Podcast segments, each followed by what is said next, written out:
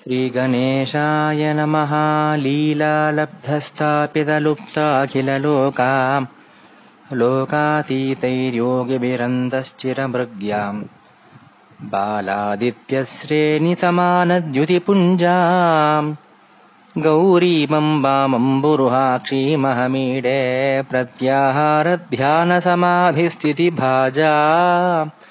नित्यम् चित्ते निर्वृतिकाष्ठाम् कलयन्ती सत्यज्ञानानन्दमयीम् ताम् तनुरूपाम् गौरीमम्बामम्बुरुहाक्षीमहमीडे चन्द्रापीडानन्दितमन्दस्मितवक्त्राम् चन्द्रापीडालङ्कृतनीलालकभारा इन्द्रोपेन्द्रात्यर्चितपादाम्बुजयुग्माम् गौरीमम्बामम्बुरुहाक्षीम् अहमीडे अतः परम् प्रवक्ष्यामि स्वर्णगौरीव्रतम् शुभम् श्रावणे शुक्लपक्षे तु तृतीयायाम् विधातृज। प्रातः स्नात्वा नित्यकर्म कृत्वा सङ्कल्पमाचरेत् पार्वतीशङ्करौ पूज्यौ। षोडशैः उपचारकैः। देवदेव समागच्छ प्रार्थयेऽहम् जगत्पते। इमाम् मया कृताम् पूजाम् गृहानसुरसत्तम वायनानि प्रदेयानि दम्पतीभ्यस्तु षोडश भवान्याश्च महादेव्या व्रत சம்பூர்த்திஹேதவே பரம பவித்திரமான இந்த ஸ்ராவண மாசம் அதிலே சங்கரனுக்கு ரொம்ப பிரியமான மாசம் சாட்சாத் சங்கரனே அந்த ஈஸ்வரனே சனத்குமார யோகேந்திரருக்கு சொல்றார் அந்த மகாத்மியத்துல ரதம் இல்லை அப்படின்னு ஒரு வாரத்தையோ ஒரு திதியோ நம்ம அறுதி சொல்லிட முடியாது. நான் பேசிட்டு இருக்கிறனாலே ஒரு மங்கள வாரமா இருக்கு. ஸ்ராவண மாசத்துல சுக்லபக்ஷத்துல இருக்கிற பிரதம மங்களவாரம் மங்களாவுரி மங்களாகௌரி விரத தினம். அதோடைய மகிமைய நான் நேற்றுக்கு பார்த்தேன். ஸ்ராவண மாசம் சுக்லபக்ஷ திருத்தியைக்கு ஸ்வர்ணகௌரி விரத தினம்னு பேர். பொதுவா இந்த விரத பூஜா விதானங்கள் எல்லாம் பாத்திரபத சுக்ல திருத்தியை தான் ஸ்வர்ணகௌரி விரதம்னு சொல்லி சம்பிரதாயம் உண்டு. ஆனாலும் ஸ்ராவண மாச மகாத்மியத்துல ஸ்ராவண மாசத்து சுக்லபக்ஷ திருத்திய அப்ப ஸ்வர்ணகௌரி விரத அனுஷ்டானம்னு சொல்லி இருக்கிறதுனாலே அந்த மகாத்யம் என்ன சொல்றது? அது பிரகாரம் நாம் இந்த ஸ்வர்ணகௌரி விரதம் ஸ்ராவண மாசத்து சுக்லபக்ஷ திருத்தியா தினத்தன்னைக்கு எப்படி அனுஷ்டானம் பண்றது அப்படிங்கறத பார்க்க போறோம். சங்கல்பம் பண்ணிட்டு காலம்பர விசேஷமா ஸ்ராவண ஸ்நானம். மகாதேவ தயா சிந்தோ ஸ்ராவணே மாஷி ஸ்ராவணே மாசி உஷஸ்யஹம் பிராத்தஸ்நானம் கரிஷ்யாமி. நிர்விக்னம் குருமே பிரபோ. அப்படின்னு பிரார்த்தனை பண்ணிட்டு மகாதேவருக்கு அர்க்க பிரதானம் கொடுத்துட்டு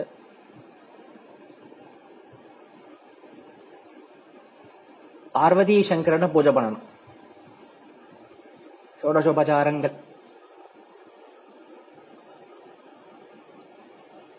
தேவதேவ சமாகச்ச பிரார்த்தயேஹம் ஜெகத்பதே இமாம் மயா கிருதாம் பூஜாம் கிரகான சுரசத்தம அப்படின்னு சொல்லி அந்த பார்வதி சங்கரனை நாம கூப்பிட்டு பிரார்த்தனை பண்ணி இந்த பூஜையை கிரகணம் பண்ணிக்கணும். பூஜை ஏத்துக்கணும்னு பிரார்த்தனை பண்ணிட்டு வாயனங்கள். பொதுவா வாயனம் அப்படின்னு சொன்னா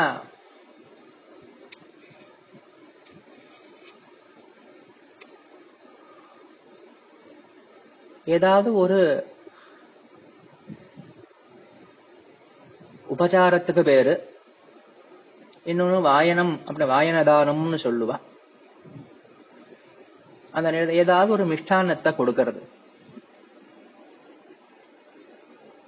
ஒரு பக்ஷணம் ஒரு பலம் தட்சிணையோட சேர்த்து.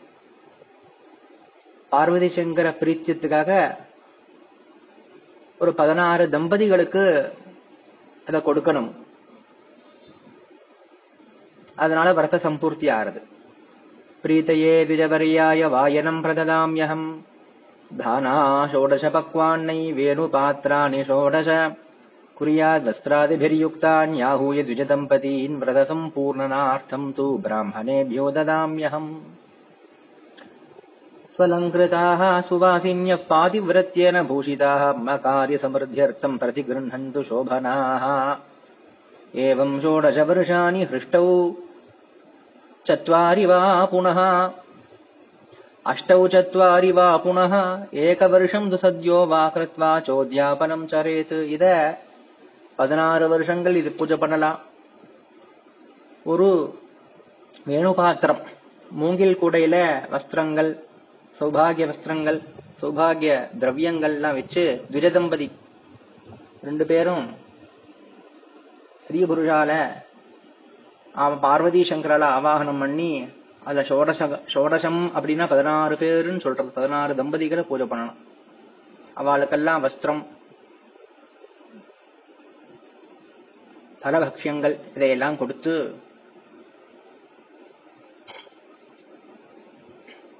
அலங்காரமா இருந்துட்டு சந்தோஷமா ஏத்துண்டு ஆசீர்வாதம் பண்ணணும்னு பிரார்த்தனை.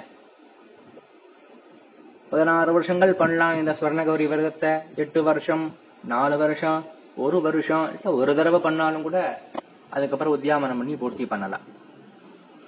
பொதுவா ஸ்வர்ணகௌரி விரதம் பண்ண உடனே ஒரு கதையை கேட்கணும் கதாசிரவணம்னு. அந்த கதை என்னன்னு கேட்கிறார் சனத்குமார். கேனச்சீர்ணம் ரதமிதம் மகாத்யம் சாசிய கீதம் உத்யாபனம் கதம் காரியம்.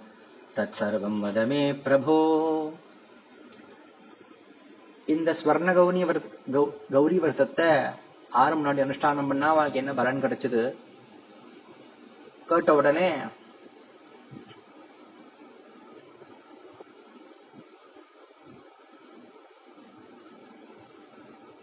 அதுக்கு பதில் சொல்லப்படுறது.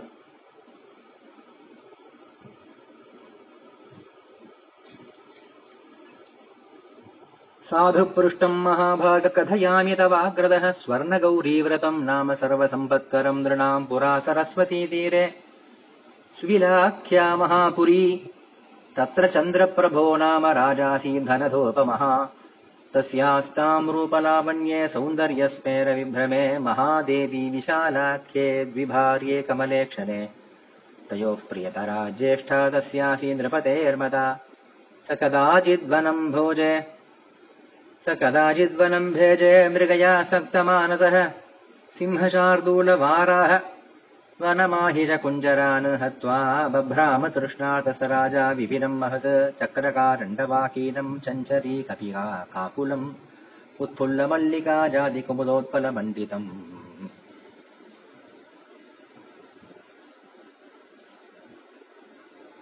अपूर्वमवनीशोऽसौ ददर्शाप्सरसाम् सरः समासाद्य सरस्तीरम् पीत्वा जलमनुत्तमम् भक्त्या गौरीमर्चयन्तम् ददर्शाप्सरसाम् गरम् किमेतत् इति पप्रच्छ राजा राजीवलोचनम् கிமேதத் இது பப்ரச்ச ராஜா ராஜீவலோச்சனः அதுக்கு ஒரு கதை சொல்லப்பட்டது ஸ்வர்ணகௌரி விரத கதா அத கேட்டாலே சிறிய சி- சர்வ சம்பத்தும் கிடைக்கும் சரஸ்வதி தீரத்துல சுவிலா அப்படின்னு பேரு உள்ள ஒரு பெரிய ஊரு ஒரு நகரம். அது ஆண்டுன்னு இருந்த ராஜாக்கு சந்திரபிரபன்னு பேர். பெரிய ரூபலாவண்யம் உள்ளவன் பேரழகன். குபேரனுக்கு சமானமான தன சம்பத்து அவனுக்கு உண்டு பரமேஸ்வரியம் உண்டு அவனுக்கு மகாதேவி விஷாலான்னு ரெண்டு பாரியைகள் அவனுக்கு. அதுல அந்த ஜேஷ்ட ஸ்திரியா இருக்கிற மகாதேவி ரொம்ப சௌபாகியவதியா இருந்தா. ராஜாவுக்கு ரொம்ப பிரியம் அவன் மேல. ஒரு நாள் சந்திரபிரப ராஜா வேட்டையாடுறதுக்காக காட்டுக்கு போயிருந்தார். வேட்டையாடி கலைச்சார். அங்க ஒரு சரஸ் ஒரு பொய்கை அங்கே தேவலோகத்து ஸ்திரீ அப்சரசுகள்லாம் சேர்ந்து ஏதோ பூஜை பண்ணிட்டு இருக்கா அவ கௌரிய அர்ச்சனை பண்ணிட்டு இருக்கா விசேஷமா ஸ்வர்ண கௌரிய. களைச்சு நீர் பருக வந்த அந்த ராஜாவானவன் அந்த தேவஸ்வரூபிணிகளை பார்த்து நீங்கெல்லாம் யாரு? நீங்க என்ன பூஜை பண்ணிட்டு இருக்கேள் அப்படின்னு அந்த ராஜா கேட்கிறார். ஸ்வர்ணகௌரி விரதமிதம் கிரியதே ஸ்மாபிருத்தமம் சர்வசம்பத்கரம் திருநாம் தத் குருஷ்வ அவ அவெல்லாம் சொல்றா பொதுவா ஒரு விரதம் பண்ணிட்டு இருக்கும்போது இன்னொருத்தர் வந்து இது என்னன்னு கேட்டா அந்த வருஷம் ஒரு மகிமையை சொல்லி அவளையும் பண்ண நாம சொல்றது ரொம்ப சிறப்பு. அது ஒரு தர்மம். அந்த அப்சர செடிகள் சொல்றா ஹே ராஜன் நாங்கெல்லாம் ஸ்வர்ணகௌரி விரதம் அனுஷ்டானம் பண்ணிட்டு இருக்கிறோம் இந்த ஆரண்யத்துல இந்த சரஸ்தீரத்துல. நீயும் அதை பூஜை பண்ணு. நீனும் அம்பிகையை பூஜை பண்ணு. ராஜா கேட்கிறான் விதானம் கீதிருஷம் ப்ரூத கிம் பலம் விஸ்தரான் தாவூச்சுரியோஜித சர்வா திருத்தீயாயாம் நபோ யுஜி. கர்த்தவியம் விரதமே தத்தி ஸ்வர்ணகௌரீதி சங்கீதம். पार्वती शङ्करौ पूज्यौ भक्त्या परमया मुदा दोरकम् षोडशगुणम् बध्नीया दक्षिणे करे।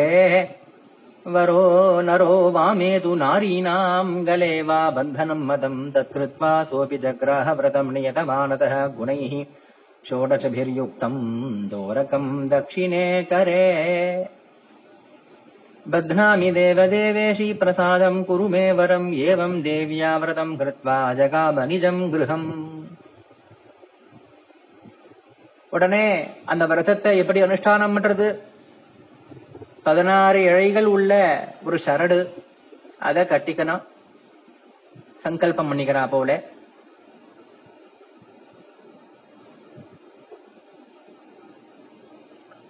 புருஷனானவன் வலது கையிலையும் மணிபந்தத்துல ஸ்ரீயானவள் இடது கையிலையும் இல்லாட்டா கழுத்துலயுமோ இந்த பதினாறு இழ உள்ள அந்த சரடை கட்டிக்க வேண்டியது.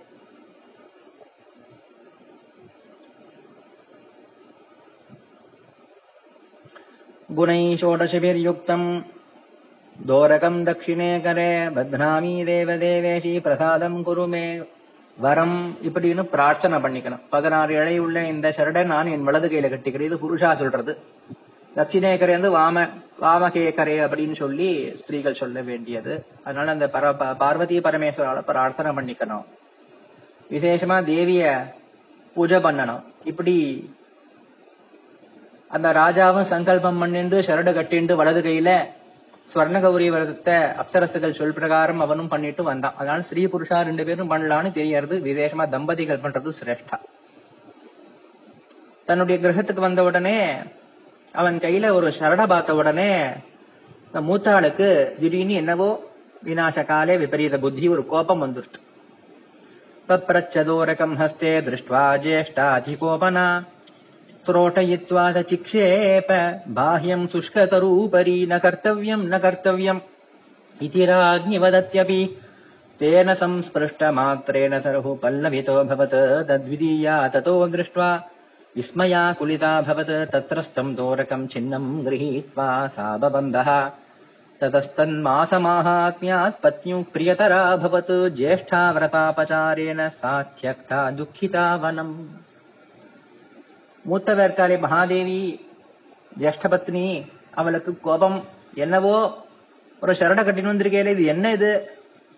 ராஜா சொல்றதுக்கு முன்னாடி ரொம்ப ரௌத்ராவேஷம். அவன் கையிலேந்து வலுக்கட்டாயமா ராஜாவுடைய கையிலேந்து அந்த சரட்டை பிரிச்சு தூக்கி எறியறா ஒரு காஞ்சி போன மரத்து மேல போய் உழர்ந்தது விட்டு எரிஞ்சது. நான் கர்த்தவியம் இதெல்லாம் பண்ணக்கூடாது நீங்க பண்ணக்கூடாது. இப்படியெல்லாம் அவள் வற்புறுத்தின்னு இருக்கிற நேரத்துல அந்த சரடு பட்ட மாத்திரத்துல பட்டு போன அந்த மரம் துளுத்து வந்தது. இத விசித்திரமா இருக்கிற அந்த செய்கையை பார்த்து அதிசயத்தை பார்த்து அவனுடைய கனிஷ்ட பத்னி இருக்காளே விலாசா. விஷாலா. அத பார்த்துட்டு அவ பக்தியோட அதுக்கு சக்தி எப்படி இருந்தா ஒரு பட்டு போன மரத்தை துளைக்கி வைக்கும் சொல்லிட்டு பக்தியோட அந்த கயிறை மறுபடியும் எடுத்து தன்னுடைய கரத்துல அவ கட்டிக்கிறா இந்த மாச மாகாத்தியத்னாலும் இந்த ஸ்வர்ணகௌரி விரதத்தை அவள் உபச்சாரம் பண்ணதுனாலே அந்த ராஜாவுடைய மனவுக்கு ம- மனசுக்கு அவள் பிடித்தமானவளா இருந்தா அடாத காரியம் பண்ணி பராசக்திக்கு பிரியமான அந்த தோரகத்தை அதான் சரடு அவமானம் பண்ணதுனாலே விரதத்தோட அபச்சாரம் நடந்ததுனாலே ஜேஷ்டாவா இருந்தாலும் அதுவர்ணியன் ராஜாக்கு பிரியமானவள் அவனுடைய வெறுப்புக்கு பிரியமா இருக்கிறவள் அவனுடைய வெறுப்புக்கு பாத்திரமாயிட்டா அவன் அவளையே என்ன காரணத்தினாலேயோ தெரியல. அவள் பார்த்தவே அவன் பிடிக்கல தள்ளி வச்சாச்சம் பிரயோசா மகாதேவி தியாயந்தி மனசாஸ்தா முனீனாமாசிரமே புண்ணிய நிவசந்தி கொச்சித்து கொச்சித்து நிவாரிதா मुनिवरैर्गच्छ पापे यथा सुखम् धावन्ति विपिनम् घोरम् विहिन्निर्विन्ना निषसादः ततस्तत्कृपया देवि प्रादुराधीतदक्रधः ताम् दृष्ट्वा दण्डवद्भूमौ नत्वा स्तुत्वा नृपप्रिया। जय देवि नमस्तुभ्यम् जय भक्तवरप्रदे। जय शङ्करवामाङ्गे जय मङ्गलमङ्गले। ततो भक्त्या वरम् लब्ध्वा गौरीमभ्यर्चयद्व्रतम्। चक्रे तस्य प्रभावेन भर्ता ताम् जानयद्गृहम् ततो देव्या प्रसादेन सर्वान् कामानवापसा ततस्ताभ्याम् नृपो राज्यम् चक्रे सर्वम् समृद्धिमान् अन्ते शिवपदम् प्राप्तः कान्ताभ्याम् सहितो नृपः இந்த மகாதேவின்னு சொல்லப்படுற மூத்த மனைவி அவ்வளவு சம்பத்துக்கும் அந்த ராஜாவுடைய ஆதரவுக்கும் இருப்பிடமா இருந்தவள் அவனால தள்ளப்பட்டு மரதாபச்சாரத்தினாலே கண்டபடி எங்கெங்கயோ திரிஞ்சா. ரிஷிகள் ஆசிரமத்துக்கெல்லாம் போகும்போது அவ பெரிய பாப்பின்னு நினைச்சுட்டு ரிஷிகள்லாம் போ போ வந்த வழியா எங்க வேணுமோ போ இங்க வர வேண்டாம் பிரவேசம் பண்ண வேண்டாம்னு சாட்சாத் மகர்ஷிகள்லாம் கூட தன் ஆசிரமத்துக்குள்ள அவள் நுழையிறத அவளாம் விரும்பல. எல்லாரும் நிவா போ போ தள்ளி போ தூர போ அந்த நேரத்துல அவள் குதிச்சுண்டும் அவளுக்கு மனசே ஒரு விதமா ஆயிடுச்சு ரொம்ப வருத்தப்பட்டு புத்தி வேதனமாயிடுச்சு அந்த நேரத்துல பராசக்திக்கு அவ மேல ஒரு கருணை வந்துருச்சு. ஒரு பெண் படுற பாடு பெண்ணுக்குன்னா தெரியும். மகாதேவின்னு பேருள்ள அவளுக்கு நிஜமான மகாதேவனுடைய மனைவியா இருக்கிற அந்த மகாதேவி கௌ சொர்ண கௌரி அவள் முன்னாடி பிரத்யமாயி பகவதியை பார்த்த உடனே அவளுக்கு ஒரு த- தடிய போல கீழே விழுந்து ஜெயதேவி நமஸ்துபியம் ஜெயபக்த வரப்பிரதே ஜெய சங்கர வாமாங்கே ஜெய மங்களே. இப்படியெல்லாம் ஆரம்பிக்கிற ஒரு அற்புதமான ஸ்லோகத்தை அவள் சொல்லி போற்றி போற்றின்னு பகவதி பாதத்துல விழுந்து கதர்றா மகாதேவி.